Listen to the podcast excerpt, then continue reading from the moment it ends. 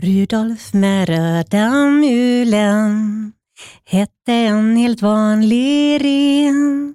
Nu börjar vi närma oss. Ja, men så mysigt. Mm, en vecka kvar. Ja, sen är det julafton. Ja, då kommer han, jultomten. Ja. Är du färdig med dina klappar nu? Nej, men alltså jag köper i stort sett ingenting. Utan vi kör en julklappslek, så skönt. Okej. Eftersom nu har jag ett litet barnbarn, så han kommer ju få lite grann. Mm. Han är ju precis ett halvår nu. Så några saker till honom. Men sen vi vuxna, vi kör en julklappslek. Så Ja, alla köper jätteskönt. någonting typ för ja, en summa.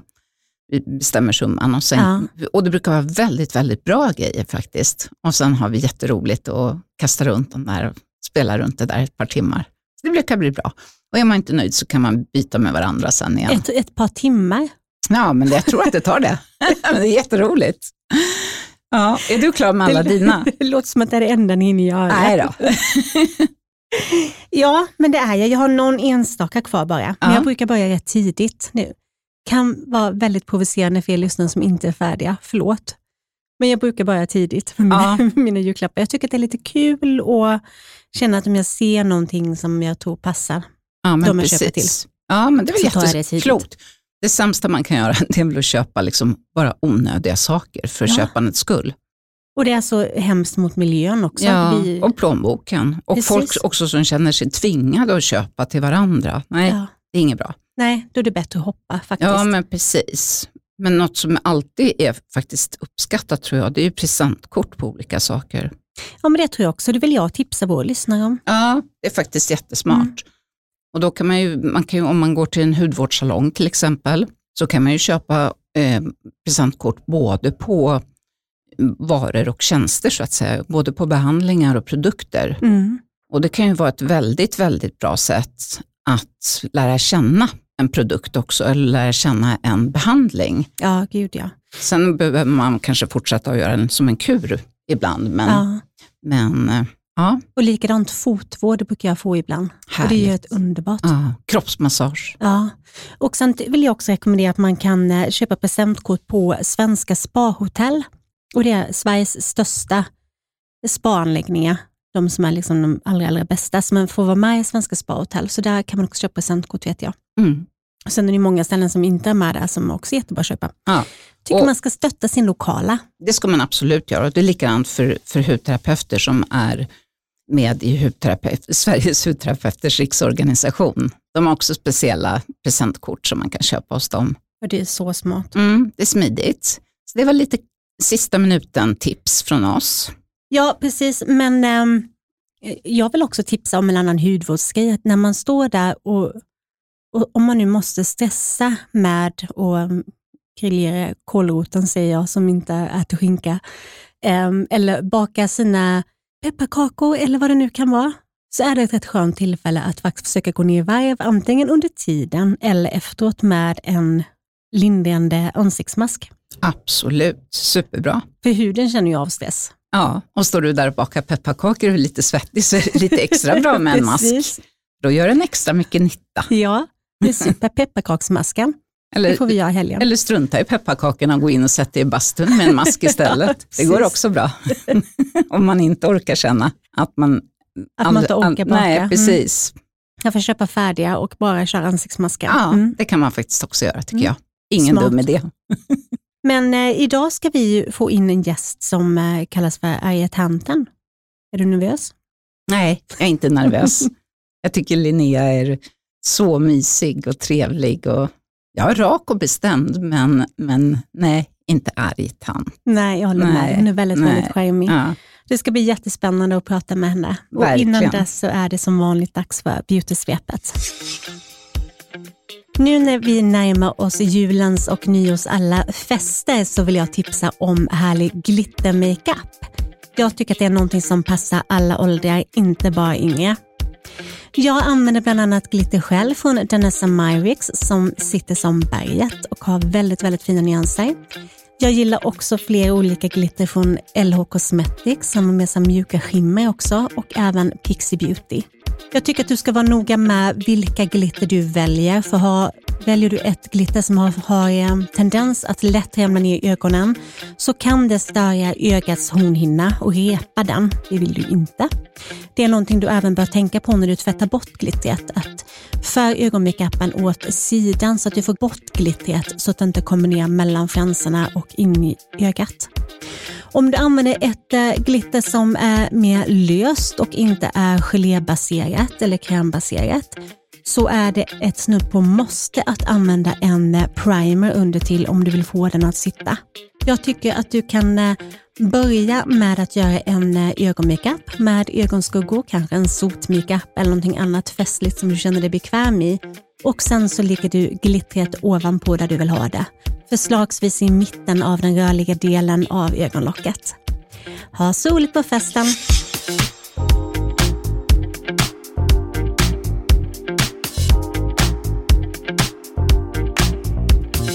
En cool kvinna med skinn på näsan och en fantastisk utstrålning. En skönhetsbloggare och skönhetsjournalist som värvar kreddiga events med att påta på odlingslotten. En arg tant som står på barrikaderna för kampen för att alla borde använda underklänning. Välkommen till hudvårdsdjungeln Linnea Öst. Varmt välkommen Linnea. Ja, men tack för att du kom hit. Så roligt att ha dig här. Men jag tror alla undrar lite, arga tanten, var kommer det epitetet ifrån? Ja, alltså det är ju världens sämsta namn på en skönhetsblogg egentligen.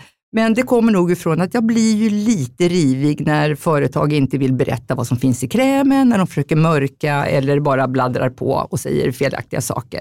Men jag är ju inte ensam som arg tant, det finns ju några fler. Det finns ett litet gäng. Ja. Och det är väl härligt? Ja, en liten klubb. Absolut. Men berätta om din bakgrund som journalist och stylist. Vad, vad kom först?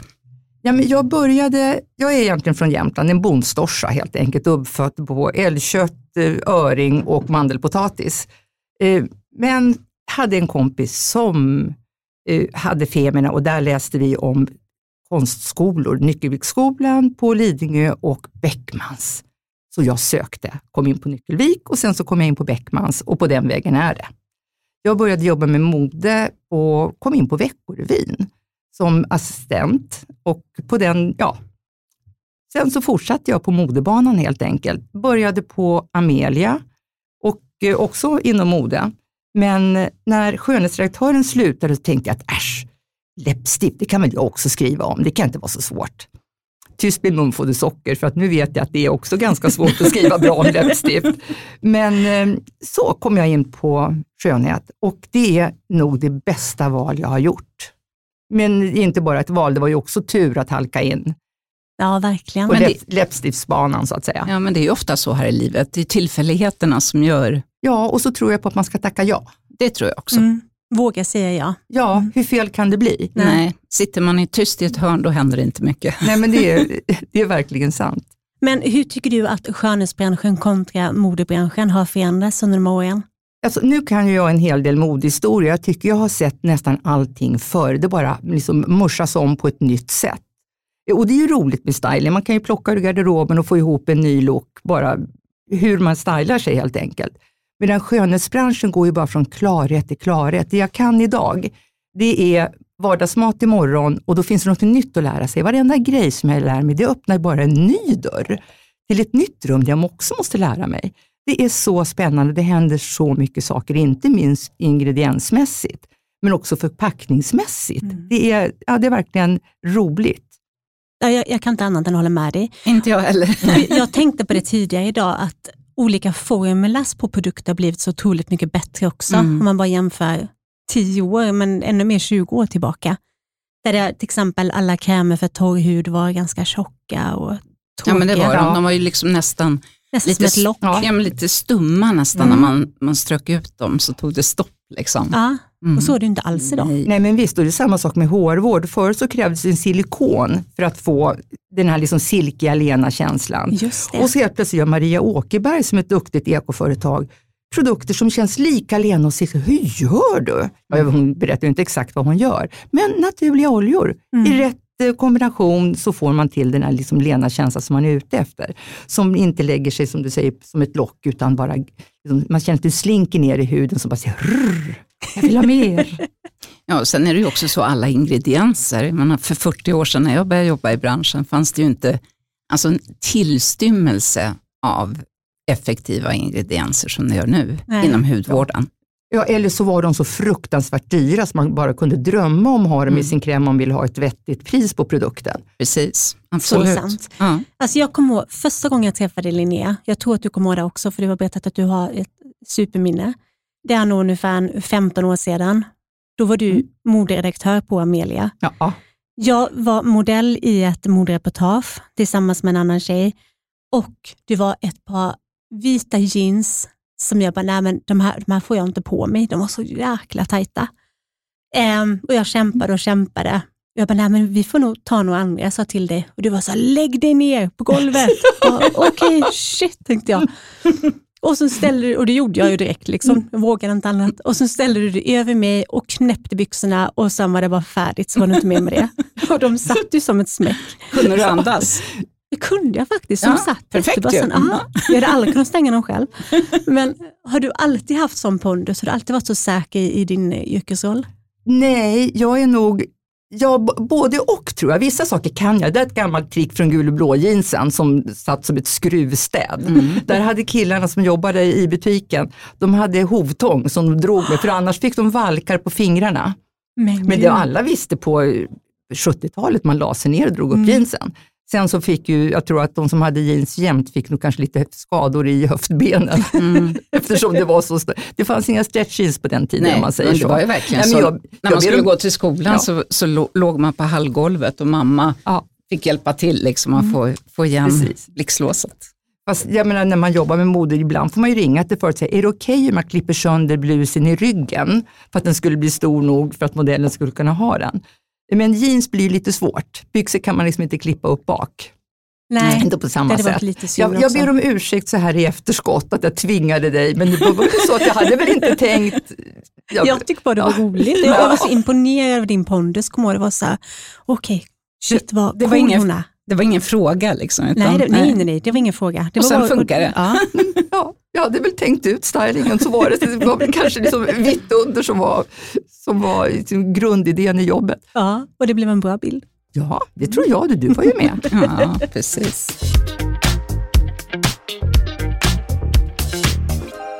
Men du är en förebild för många, Linnea, med, med din stil som är både chic och, och säker och i mina ögon lite parisisk nästan. Och jag tackar. Ja. Det här är så Jämtlands Paris. Men vad är, ditt, vad är ditt bästa stiltips? Snygg i håret, snygga skor. Ja, det oh, kommer man långt med. Ja, det, det mm. låter ju konstigt när man liksom säger, pratar, liksom, om man är modemänniska. Men med plaggen kan man göra så himla mycket. Men om man har oputsade skor som är oskötta helt enkelt. Det, det handlar inte om att det ska vara modern, senaste snittet, det måste vara välskött. Mm. Och sen att man är, liksom, har brytt sig om sitt hår och inte bara liksom snurpat eller glömt bort att kamma det så att det är en, som en tuss bak. Och sen kan det ju liksom vara vilt och galet. Det behöver ju inte vara väl alltså, ängsligt gjort, men ändå att man har tänkt sig oavsett om det är långt eller kort. Och så sitter jag här och ser ut som en fårskinnsfälla i huvudet eftersom jag ska vara hårmodell om några veckor. Nej, du är alltid snygg. Verkligen inte. Ja, men det tycker jag var ett jä två jättebra tips faktiskt och jag håller med dig till 100% på båda. Ja, men det gör jag också. Och jag tänker också att jag har för mig att Iris Apfel är en av dina stilförebilder. Och det är hon mm. även för mig. Och jag vet även för dig Anna-Karin, ja, vi har också pratat om det.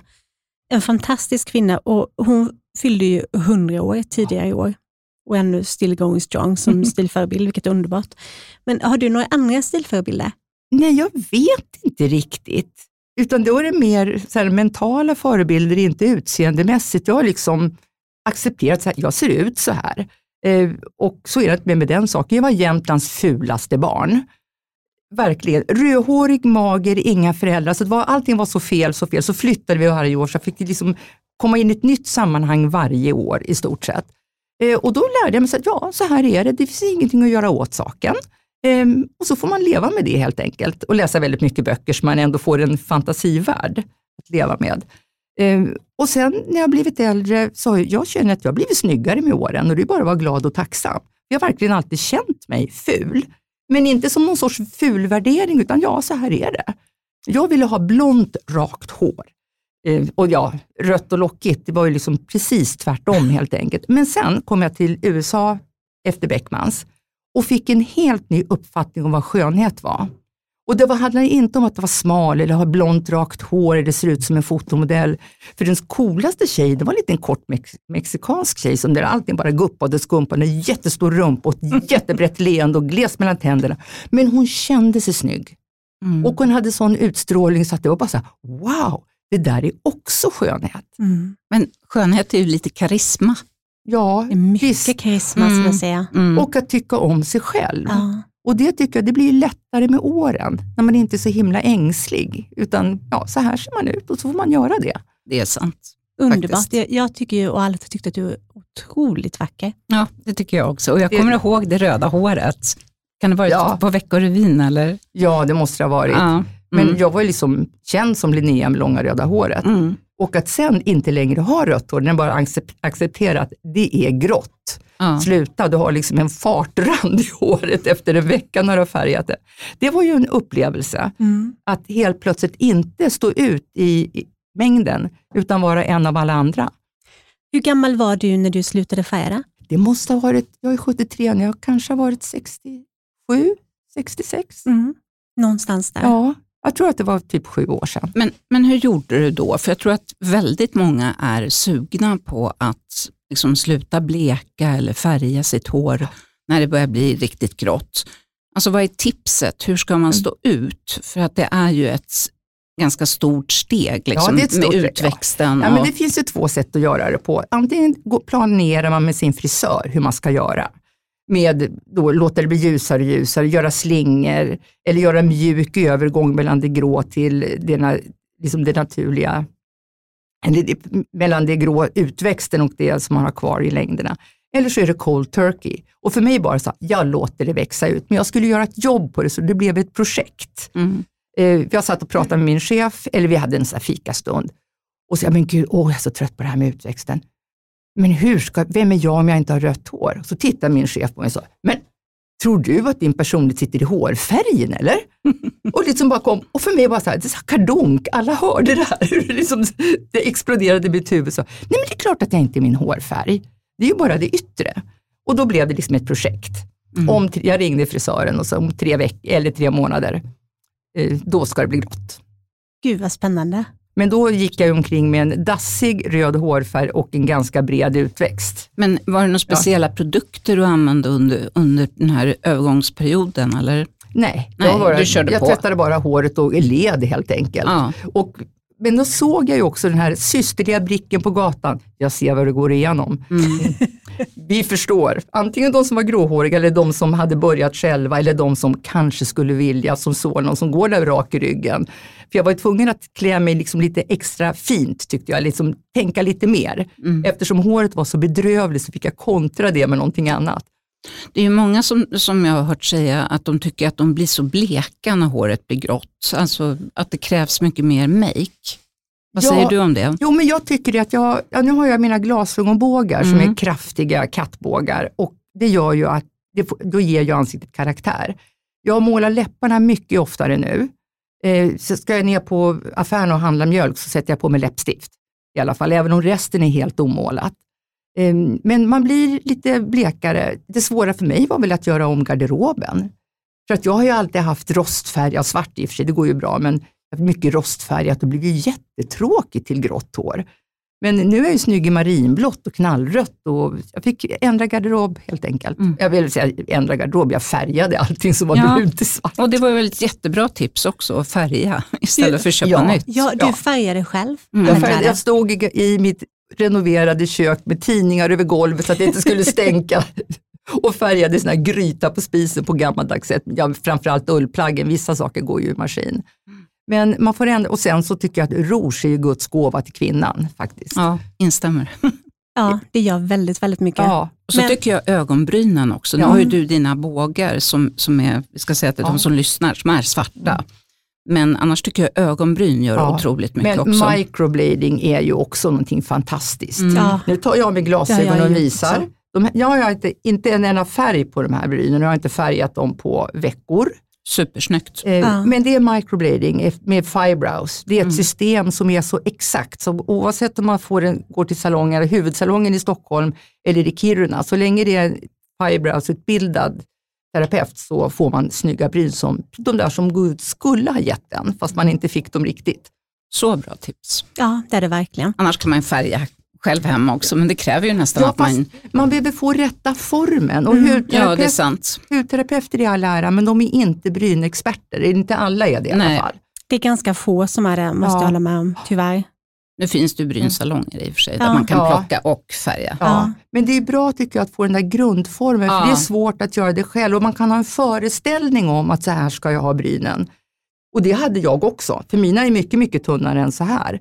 Men jag fick precis de bryn som jag skulle ha. Jag bara så här, nej men gud, tack!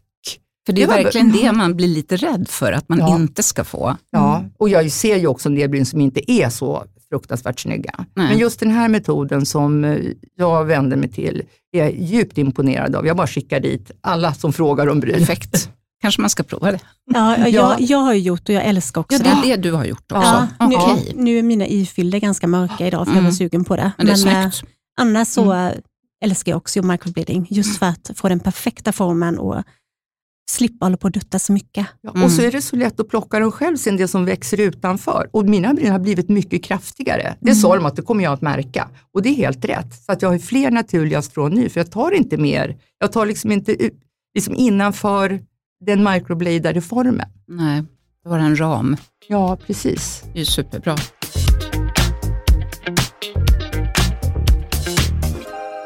Men en helt annan sak, eller när vi pratar lite om det här med grått hår och allting. Hur upplever du att det är att jobba i skönhetsbranschen när man är något äldre? Alltså finns det, får du, har du fått mer respekt eller tycker du att, det är fin, att du upplever ageism? Liksom? Alltså ageismen märker jag ju väldigt tydligt, men det är ju främst från marknadsavdelningar och PR-företag. Framförallt när det kommer in nya människor, vilket det kommer in typ varje, ja det är som terminer, höstterminer. De har, nu har de väl blivit lite, lite varmare. Eh, och sen är det samma sak i januari, det också kommer in nya assistenter som tror att om man jobbar för en mogen målgrupp så har man ett, ingen koll på trender, två, inte intresserad av trender, eller nya läppstift eller förstår någonting. Eh, och de ser inte heller de här stora läsekretsen. Alltså M-magasin som jag jobbar för har ju en stor läsekrets. Jag jobbar också med Senioren. Eh, 200 drygt tusen prenumeranter. Wow, alltså det är wow, wow. enormt. Och det här är ju människor som har pengar. Ungarna har flyttat hemifrån för länge sedan. Nu är det kanske barnbarnen de tänker på. De har sitt hus eller sin lägenhet och sin bil. De vill liksom spendera pengar på sig själva. Ja, och vill säkert Mm. också. Ja, Och både, både vill och kan och har Mm. tid. Och så ska den här målgruppen negligeras. Det är helt sjukt. Ja, men det är okunskap. Ja, och företagen gör ju produkter för mogen hud. Det är inte det det brister på. Men sen är det marknadsavdelningen som ska visa det här, liksom när reklambilden är på någon ung tjej som är typ 32 och ser ut som ett äpple och det här är anti-age, ja men skjut mig. Ja.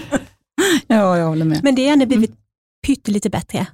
De har tagit in ja. lite, lite fler äldre Ja. modeller också. ja, och det börjar komma, men det är ju för att vi sätter ner foten och frågar. Mm. På ett stort PR-event för ett tag sedan så pratade jag med någon av de här männen i ledningsställning och han förstod inte alls vad jag menade förrän den danska presskontakten sa att jo, men vi, vi, vi hör, vi förstår, men vi i Skandinavien lite före. Mm. Och hon förstod att det här, man behöver också ha vuxna modeller om man nu ska sälja produkter till kvinnor som är vuxna och män också som är vuxna för den delen. Men då finns ju andra företag som It Cosmetics. De är superduktiga. De har alltid haft alla åldrar, alla åldrar, alla hudtoner, alla sorter i sin reklam och marknadsföring. Inkluderande. Utan att Mm. snacka om det ens en gång. Så bara gör man. Mm. Och det tycker jag är imponerande. Ja, det tycker jag också. Och, Och jag så- och de som det ska vara. produkt Ja. också. Mm. Men eh, har du gjort någon spännande behandling eller något ingrepp eller något annat? Alltså, jag gör ju ständigt saker och delvis så är det ju, ja, inte under pandemin, så nu har jag verkligen legat lågt. Eh, Men jag känner att ett litet stick i mungipan som lyfter den kanske skulle vara bra. Så jag ska precis beställa tid för att, till en kvinna som är superduktig och säga, vad tycker du att jag behöver? För dit går inte jag och säger, vet, det här vill jag göra. För det är bättre att det är någon som är skicklig som tittar och säger, det här kommer att göra grejen. Mm. Vem går du till? Då går jag till Jenny Andersson på Artface. Ja, hon är jätteduktig. Ja, superduktig och har en sån blick. Jag har gjort en del, det började egentligen med att jag har gjort jobb med en kandidat som ska göra någonting och så vet du att ja, hon vill, in, vill göra nasolabialvecken, de här survecken runt munnen. Och så tittar Jenny på en och säger, ja, men vi ska göra det och det, som är någonting som är helt annat som vi inte vi har tänkt på. Och så går hon därifrån och är bara så nöjd. Mm. Och jag tror att, eller man vill ju ja. att det ska vara så. Ja. Alla seriösa utövare jobbar. Ja. Många tror jag gör det också ja, det, i och för sig. Det, det, gör, det finns ju jättemånga men, som är superduktiga. Men att man väljer att gå till ett seriöst ställe, en seriös klinik. Ja, och man ska inte, jag tycker inte om botoxpartyn. Jag tycker man ska tänka efter först innan man gör någonting. Man blir inte gladare, man blir inte, ja lite snyggare blir man, men framförallt så känner man sig ju snyggare. Um, och jag menar, jag är 73. Jag gör väl vad 17 som jag vill med mitt ansikte. Men om, när min dotter, som, när hon var ung, kom hem och hade gjort läpparna, blev jag så här, men lilla gumman, varför? Jag ska inte göra om sig. Ja, det går ju bort som tur Det är ju inte permanenta ingrepp. Nej, det försvinner ju i sinom tid efter några ja. månader. Men det st stora som jag har gjort, eh, som jag inte ens, ja, jag kommer ihåg att jag sitter i första klass och jag har en, en liten påse på hakan, en liten dubbelhaka, så liten och tunn och mager som jag var. Så håller jag ena handen under hakan när jag räcker upp handen, fröken, fröken. Därför att jag tyckte min dubbelhaka var så ful. Och den har jag nu kapat. Hur gjorde du då? Ja, jag gick till Akademikliniken. Ja, ja det är bra. Ja. De är bra. Ja. Men, ja. men alltså e- ett halslyft då? Eller? Bara ett halslyft. Ja. Och det var nästan så jag gjorde ett halvt ansiktslyft. Och så gick jag hem och tittade mig och sa, nej, jag kan inte stå för det. Nej. Hakan har jag alltid avskytt. Jag har sparat pengar, det här kan jag göra.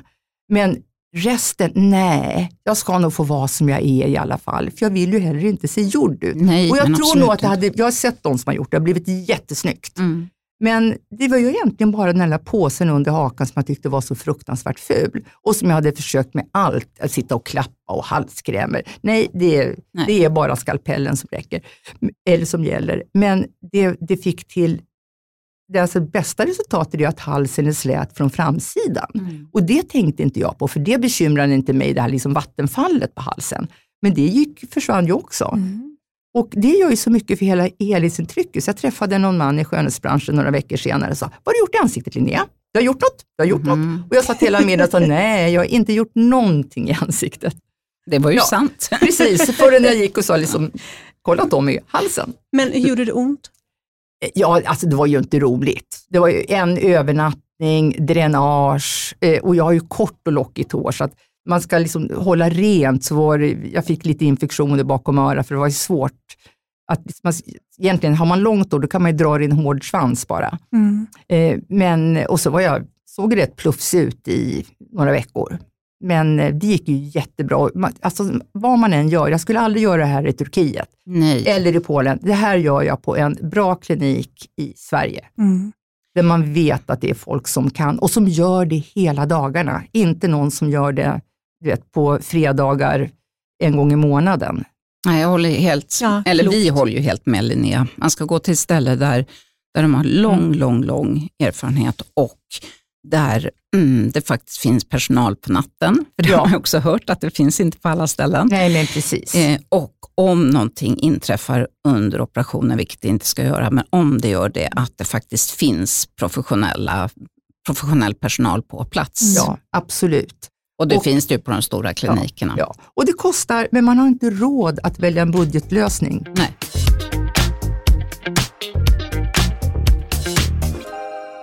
Det här avsnittet av Hudvårdsdjungeln sponsras av det svenska hudvårdsmärket Gilda Liljeblad som erbjuder avancerade och resultatsinriktade produkter för en sund och vacker hud, vilket faktiskt kan lyfta både självförtroendet och välbefinnandet.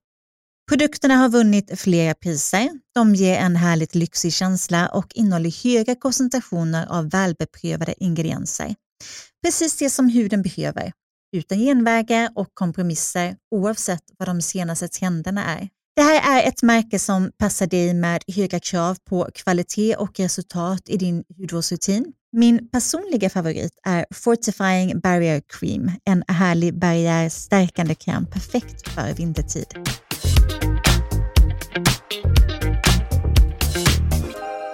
Men en helt annan sak, hur ser din hudvårdsrutin ut? En helt vanlig dag. en helt vanlig dag. Som idag? Som idag, ja. Nej, men jag, jag tvättar ansiktet på morgonen, oftast bara med vatten. Eh, och de här underbara tvättdukarna från eh, Amelie Soie som jag tycker är fantastiskt. Det är en grå, ganska stor, ser ut som en grå, ska säga, fleecehandduk. Ja. Lite långhårig på ena sidan, lite korthårig på den andra. Och den vatten och vrida ur och torka ansiktet och tycker jag är helt enkelt toppen. Det har jag gjort ganska länge. Eh, och ett tag så hade jag det bara den som rengöring. Även, då sminkade jag mig inte så mycket, så gick jag till hudterapeuten efter några veckor och frågade så här, liksom, hur tycker du min hud är? är liksom, har jag rengjort ordentligt? Och jajamän! Härligt. Det var ju roligt bara med handduken. Nu använder jag ju ofta den med en produkt också, men på morgonen då kör jag nästan bara handduken eller så tar jag micellärvatten. Kör, kör du eh, alltid den stora eller kör du de här små runda? Jag tycker den, hemma kör jag den stora, de små runda har jag på resa. Mm. Det tycker jag är det bästa. Men om jag använder micellärvatten, då har jag alltid kompresser från apoteket. Inte bomullsrondeller. För jag tycker de där kompresserna 10 gånger 10 från Mesoft är toppen helt mm. enkelt.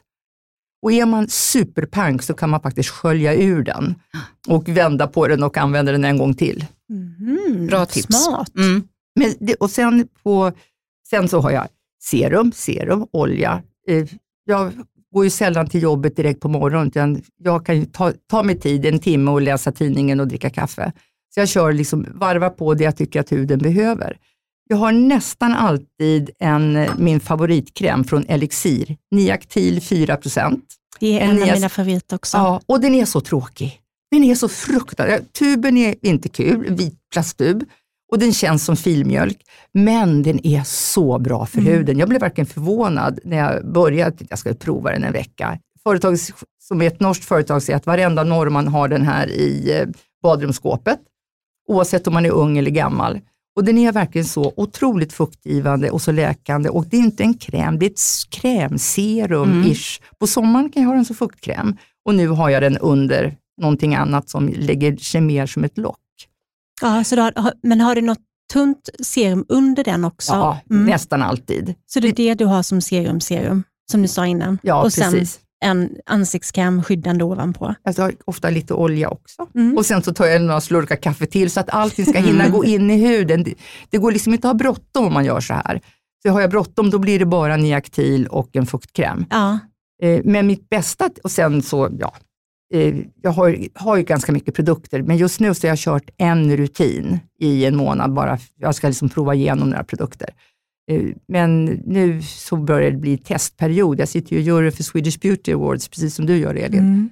Eh, och då blir det så mycket prova, prova. Så att då, men då är Niactil också bra, för det lugnar mellan varven. Ja, man kan ta den lite emellan de mest aktiva. Ja, precis. Ja, och vi börjar med de aktiva produkterna och så sparar vi det som, eller börjar med de aktiva och så sparar de de snälla produkterna till sluttampen på testperioden. Låter Precis. klokt. Ja.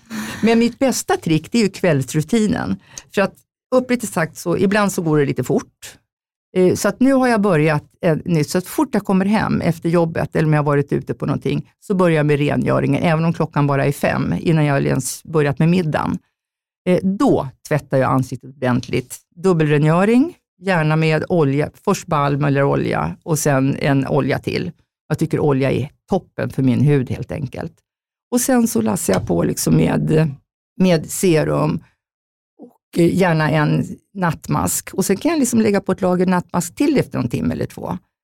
Alltså det gör jag också. Ja, det, jag tycker det, är så skönt. Så ja, men för då känner man ju verkligen att huden behöver mer mm. efter ja. en stund.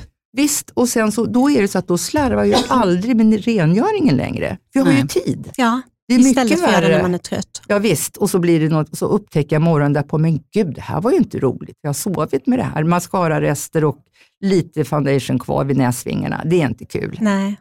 Det var din hudvårdsrutin.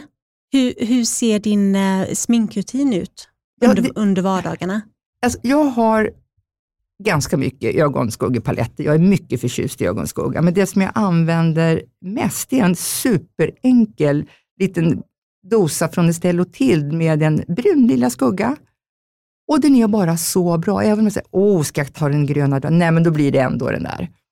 Eh, men jag, det, det är lite olika vad jag gör, men primer har jag alltid och det är ju nästan att se som hudvård kan man ju säga. Ja. Bara det där liksom lilla snyggfiltret. Mm. Eh, jag har ändå också rätt jämn, jag har inte så mycket pigmenteringar så att jag klarar mig en lättast möjliga foundation och alltid en svamp. Jag har försökt med pensel, tro mig att jag har försökt. Men då blir det för mycket. Så att den här beauty blender-varianten med en fuktad svamp, det är helt enkelt super för mig. Och då kan jag använda en beauty blender, alltså det är ju märkesnamnet, men en makeup-svamp från H&M den kan vara billig, den behöver inte alls vara dyr. Jag tycker den fungerar precis lika bra. Men Nej. fuktad. Men alltid mm. fuktad. Ja, det var ju då, jag hade inte läst på instruktionerna så mycket. Så att jag förstod inte alls grejen med svamp tills jag förstod att det ska ju vara fuktig. Mm. Det är ju det som är grejen. Sen tvättar jag faktiskt den ganska ofta. Ja, ja det är bra. Det, ja, de blir väldigt mm. snuskiga snabbt mm. annars. Men jag föredrar också svamp, svamp eller fingrarna. Lite beroende på. Ja, fingrarna det blir inte jag riktigt vän med. Nej. Eh, jag gillar svamp. Jag, fingrarna har jag under ögonen när jag ska liksom trycka fast eh, concealer. När man ser att det, oj, det blev för mycket eller det blev för lite. Mm. Då är fingrarna ett jättebra mm. verktyg.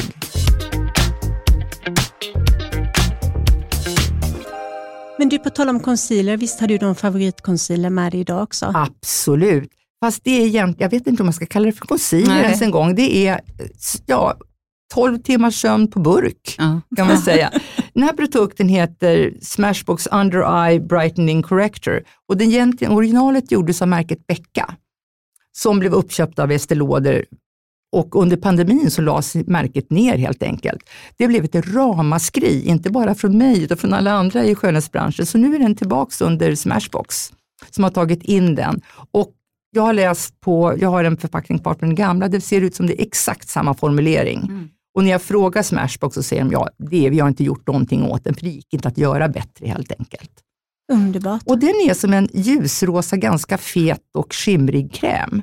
Och för mycket skimmer tycker jag är tråkigt i min ålder, för att det bara gör att man ser rynkigare ut. Men den här är helt magisk och fruktansvärt dryg. Ja. Alltså det kan ju inte vara lönsamt för företaget, höll jag på att säga. Nej, men, men den är jag tror bra. att de säljer miljontals av den där. Så att... Ja, det måste de ja. göra. Just när jag tittade på den senast, då var den helt slutsåld. Jag älskar den eh, också. Just den här ljusa som mm. Eh, vi behöver. Det finns de två eller tre mörkare varianter. Ja. Så det beror på, och de ser väldigt röd-orangeiga ut. Man ska inte vara rädd för den här färgen, eller pigmenten gör ju att det kontrar det blå under ögonen. Så det bara ser ut som man är helt enkelt utsövd. Och underbart. Uh Färgkorrigerande mm. concealer kan man väl säga. Ja. Mm. Nej, men jag älskar den också. Jag är nästan jag är liksom född med att vara mörk under ögonen och det här är en räddning. Men grejen man ska också ta den i inre ögonvrån. Ja, precis. Där man förut lite. la lite skimrande ögonskugga. Precis. Det vill man inte göra med den Nej, här. Det behöver. Ja, den är helt fantastisk. Mm. Gud vad härligt. Men vad gör, mm. gör du något mer till vardags? Mascara eh, misstänker jag? Ja, mascara det glömmer jag ibland och det blir ju tokigt. Eh, när, framför, eh, om jag är utan mascara, det går bra, men inte om jag har lagt eh, eller använt en ögonpenna och sen springer iväg utan mascara. Det ser jättekonstigt ut, för då får man bara en tom blick. Mm. Eh, så jag försöker ha en liten minimascara som ligger i sminkväskan jag upptäcker att oj i hissen, nu glömde jag igen. Fransarna är inte med. Nej, precis, är, jag har världens sämsta, glesaste fransar också, som behöver ju verkligen ha lite hjälp. Eh, men ett bra trick tycker jag, det är att eftersom jag är så pass gammal, börjar ögonen rinna så fort det blåser, så liksom rinner framförallt högerögat. Men jag har nästan alltid en vattenfast mascara på underfransarna. För det, då, blir, då sitter liksom mascaran kvar där. En Smart. tub mascara och då säger jag bara alltså MAC Extended Play. En blå hylsa med en knallturkos, lite metalliskt. Men då har du bara ja. dem på underfransarna och inte Ja, jag har dem på över också ibland, ja. men ibland så vill man ju ha någonting maffigare och jag provar också mycket, ganska mycket andra mm. mascaror. Eh, den, annars den senaste bästa mascaran just nu, den kommer från Dior, skitdyr men så bra. Och jag kan inte säga varför, men alla som använder säger, ja jag vet inte varför heller, men den är bara bäst. Vad heter den? Dimensions. Ja. Och är en av de senaste som har Ska kommit. Ska införskaffa. ja. ja. Jag har också ett mascara-tips som jag tycker är fantastiskt och den mascara från Palina. Ja, ja, just det. Som jag tror att många har missat, ja. men den är fantastisk. Vad är det för också. färg på hylsan? Den är svart. Ja. Mm. Också värd att spana Ja. in tycker jag. Mm. Är Bra det, hur, tips. hur ser borsten ut? Den är lite, lite mittemellan. Ganska smal. Jag brukar Ja. gilla stora fluffiga oftast, Jaha. men Ja. eh, ja, lite mittemellan smal skulle jag säga. Ja, vad kul, det, Mm. det får, vi, får jag leta efter. Mm. Men ett annat tics som har kommit på senare år, eh, jag har ju alltid gillat läppstift fast mest lite brunrosa. Men i och med grått hår så inser jag att röda läppar är grejen. Men även om jag har en lite snällare läppfärg så har jag alltid, alltid en läpppenna. Och det är något som har kommit med åren. Det är läpparna är som, jag har ju läppar ändå, men det fattas lite form och lite definition. Så bara att rama in läppen och sen ha läppstift som går ton i ton, det gör världens skillnad än att bara måla med läppstift. Och det, Mm, det syns ju inte att jag har en penna, men jag Nej. vet att det är Mm. där. Och, Och du då får blir det det att bättre sitta form. lite, lite bättre också. Ja, jag tycker det. Ja, det tycker jag också. Men har du något sånt där quick fix när du känner dig lite stressad? Om du är sen, vad, eh, har du någonting som du bara kan, det snabba? Ja, då är det rött läppstift, läpppenna runt och lite rouge på kinderna. Mm. Ja, egentligen sammanfattning på det du sa. Ja, Ja, Jättebra. och mascara i hissen istället. Ja, ja då, blir, då blir det mascara i hissen. Eller, eller på jobbet. Ja. Ja. Precis.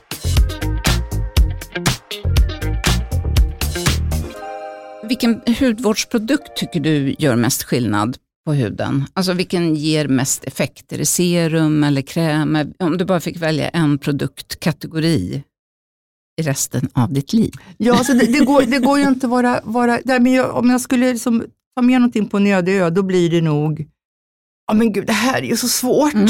Eh, Det ska vara säga- svårt. Jag kan inte ens säga fem bästa. Nej. Eh, men att jag är väldigt förtjust just i de här nia- niacinamidkrämerna som är så snälla mot huden, som läker allt och som ger massor med fukt. Så att Niactil är ju suverän. Nu har ju MAS en dupe, alltså en kusin till den här krämen som är lika bra och Mm. kostar hälften så mycket. Ja, men en sån typ av en kräm helt enkelt. Ja. Ja, Mm. och den kan man ju ha på händerna, på nagelband. Ja, sånt. Ja, och det är, det är faktiskt ett bra val. Men du, har du några andra levnadsvanor som du gör liksom för, som en skönhetsrutin, alltså till exempel träning eller kost eller någonting som du tycker är viktigare nu än förr? Jag, alltså, jag tränar ju inte. Jag har ju kolonilott så jag gräver och lyfter och bär. Jag vägrar att åka sparkcykel, jag går helt enkelt. Mm. Torka golven, putsa fönster, alltså, vad- det är vardagsmotion. Ja. Eh, Jag tycker det är så fruktansvärt tråkigt att gå på gym. Lång promenad, det, det kan jag sträcka mig till och då vill jag gå ganska fort med lurar och ett bra radioprogram på. Mm. Eh, Men sen så äter jag ju bra mat, jag lagar allting själv. Jag är inte mycket för take-out. Eh, ekologiskt, ja, men jag äter liksom kött och jag äter bacon om jag har lust med det. Eh, jag tycker den viktigaste grejen är att ha goda vänner och skratta mycket. Så Faktiskt. himla bra. Underbart. Ja. Det låter helt fantastiskt faktiskt.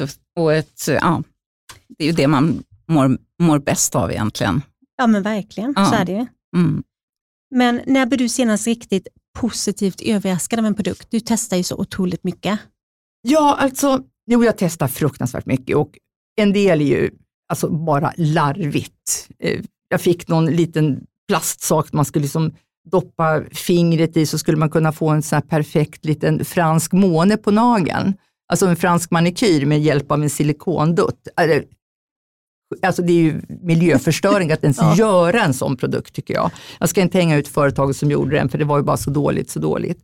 Men ja, alltså precis innan jag, när jag skulle slänga mig hit med tunnelbanan så kom ett bud precis med en påse som jag tittade i och så, vad får jag? Jag får en spegel Eh, med 10% förstoring. Så den tog jag faktiskt med mig och det är faktiskt ett bra skönhetstipp. Jag åker ju alltid, eller jag kliver inte utanför dörren utan att ha en fickspegel med mig med gånger 10 förstoring. Eftersom jag ser hyfsat, men jag ser ju inte allt. Och jag tycker inte andra ska behöva se hårstrån på min haka. Eller hur man, att kunna måla läpparna bra. Jag kan inte måla på fri hand, jag måste titta mig i en spegel. Men det här buret det var en liksom stor spegel, gånger 10 med inbyggd lampa och med en sugpropp så man kan sätta den på sin badrumsspegel. Eh, Man, man är- bor på hotell, har man den i resväskan och smäcker upp där och glömmer den inte såklart. Nej, det. för den är väldigt snygg ja, också. Den väldigt, väldigt, mm. väldigt, väldigt snygg. Ja. Var kommer den ifrån? Den kommer från ett eh, företag som heter Browgame som är, gör jättebra pincetter och överhuvudtaget bra brynprodukter. Men spegeln var ju helt magiskt mm. bra. Mm. Ser jättefin ut. Ja, och oftast kan förstoringsspeglar vara väldigt, väldigt små bara. Det är skönt ja. med den mer som är lite större, man får en mer ja, en helhetsöverblick också. Absolut, plus att man kan flytta med sig den. Det är det mm. som är så himla bra, för ibland kanske man måste ha ett bättre ljus mm. eh, än vad man får i badrummet. Särskilt på hotell. Ja. Ja. Det är sällan det är bra sminkljus på hotell. Ja. Särskilt den här årstiden. Ja. Jo, det finns ett hotell i Piteå. som är bra ja, nej, men det, det, är faktiskt, jag glömmer bort vad det heter nu, det är helt fantastiskt, det ligger precis vid hamnen. Eh, helt fantastiskt. Ja. Får vi åka dit så vi kan sminka ja. oss i Piteå? All, alla åker dit. Ja.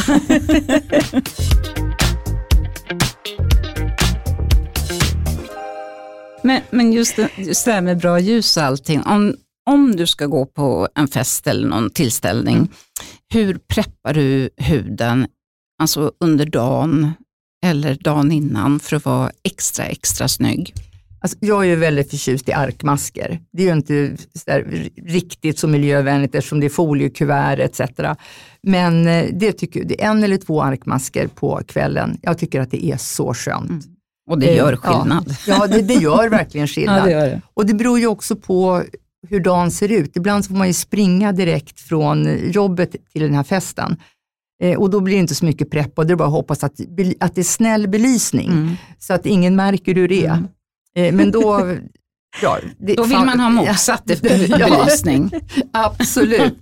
Men annars är mitt bästa partytrick är att sota ögonen helt skamlöst mycket. Ja, det är så snyggt. Ja, det är ja, snyggt. Det kör du ganska ofta på fest och det är så fint när du har ja, det. Ja, och jag hade ju aldrig vågat om inte en makeupartist från Dior hade sotat mina ögon på en tidig Daisy Beauty ett, en expo. Mm. Och jag bara så här, men gud! Och när man ser när hon jobbar liksom med, typ, det kändes som en centimeter svart kajal runt ögonen, men det blev ju så snyggt. Mm. Och det är ingen som ser en rynka. Eh, och sen så blir det kanske lite angripet framåt 12 på kvällen, men då ser man ju bara ut som I'm with the band. ja, precis. Då blir det bara lite coolt. Ja, ja precis. Och sen så kräver det sin rengöringsrutin när man kommer hem. Mm, man får inte vara för trött. Nej. Ja, men rengöring är ju faktiskt A och O, det har alla hudterapeuter sagt ja, i alla år, ja. men det är ju faktiskt sant. Vi, vi instämmer på det Elin och jag. Ja, verkligen. Eh, vad tycker du man ska tänka på när det gäller makeup i olika åldrar? Har du haft någon, någon rutin som du har återkommit till eller sådär? Nej, men jag har nog, som, jag gick på Beckmans, då var vi ju helt vilda. Då upptäckte vi London och grönt eh, läppstift. Och jag hade världens tunnaste ögonbryn med en rand rött läppstift under, liksom som en extra effekt. Ja, men vi hade så roligt. Och det fanns ju, alltså produkterna var ju så klumpiga och, då, det, jämfört med nu, men vi, det var ju det som fanns. Mm. Så man jobbade ju med det och läppstift som rouge, det är klart att det var ju liksom självklart, för rouge hade vi ju inte överhuvudtaget. Men eh, jag, jag, tycker man ska se också att makeup är ju roligt, det är ju bara att tvätta bort. Om det blir fel, det gör väl ingenting. Det finns ju rengöring så man vill börja om. Ja. Min utmaning är att lära mig måla eyeliner. Och det, det, jag kan inte och jag provar och jag håller på. Tre månader ska man, eller tre liksom, veckor ska man ge det och det funkar bara inte. Men, Nej, men så jag, kan det ju vara med vissa. Ja, jag har ju roligt när jag håller på i alla fall. Mm. Det, går ju bara att tvätta bort. Ja, precis. Och du kan ju lika väl köra eyeliner istället, eller vet du ja. kajal istället. Ja, och det, det har jag mycket, mycket lättare för. Mm. Underbart. Jag tycker också att det är helt rätt inställning. Det är ju bara en lek. Liksom. Ja, Vad ska ja. hända? Ja. Inget farligt. Ja, men det, jag Tvätta alltid, bort och börja om. Jag brukar alltid inleda när jag, när jag håller makeupkurser och sådär för olika företag. Så brukar jag ofta säga det också, att det är bara makeup, det är bara att tvätta bort. Ja. Det, är mm. som, det finns liksom inga fel. Nej. Och skulle det bli lite konstigt eller det känns obekvämt så är det, ja. det är bara att tvätta bort det. Ja. Och det, har jag köpt ett läppstift med fel färg, då skär jag bara med en vass kniv bort den till en väninna. Mm. Just det. Huvudsaken, ja, ja, men, så bra. Ja, men det blir jättebra, för, mm. och det är så mycket som jag provar. Jag kan liksom, det kan man ju ge bort istället. Mm. Men det är den här, ofta en räfflad kniv, det blir snyggast då. Mm. Och så syns det att man har skurit så att det är rent och hygieniskt. Mm. Jättebra. Och väldigt, väldigt smart. Mm, det tycker jag också. Tack snälla Linnea för att du kom hit. Ja. Tusen tack. Det var Tiden så, gick så fort. roligt att ha det här. roligt det var. Ja, det var väldigt, Det är så väldigt swish. Ja, det sa verkligen swish. Tack för att jag fick komma.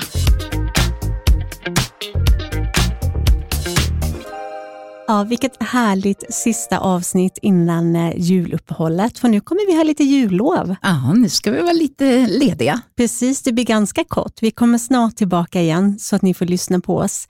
Och eh, Vi är jätteglada, som vi brukar säga, att eh, om du följer oss och trycker på prenumerationsknappen eller följ-knappen.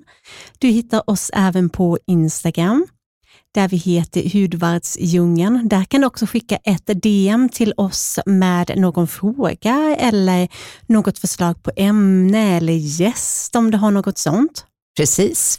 Jag instämmer på alltihopa. Ja, det bra. Ett litet tillägg, om ni lyssnar på podden och tycker om den, så får ni gärna betygsätta den också. Det kan man göra på, på de olika Just det, poddapparna. har du helt rätt i. Mm. Så vi, får många följare. Precis, och med det sagt så vill vi önska en riktigt, riktigt god jul. Ja, god jul och god jul till dig också Elin. God jul Anna-Karin.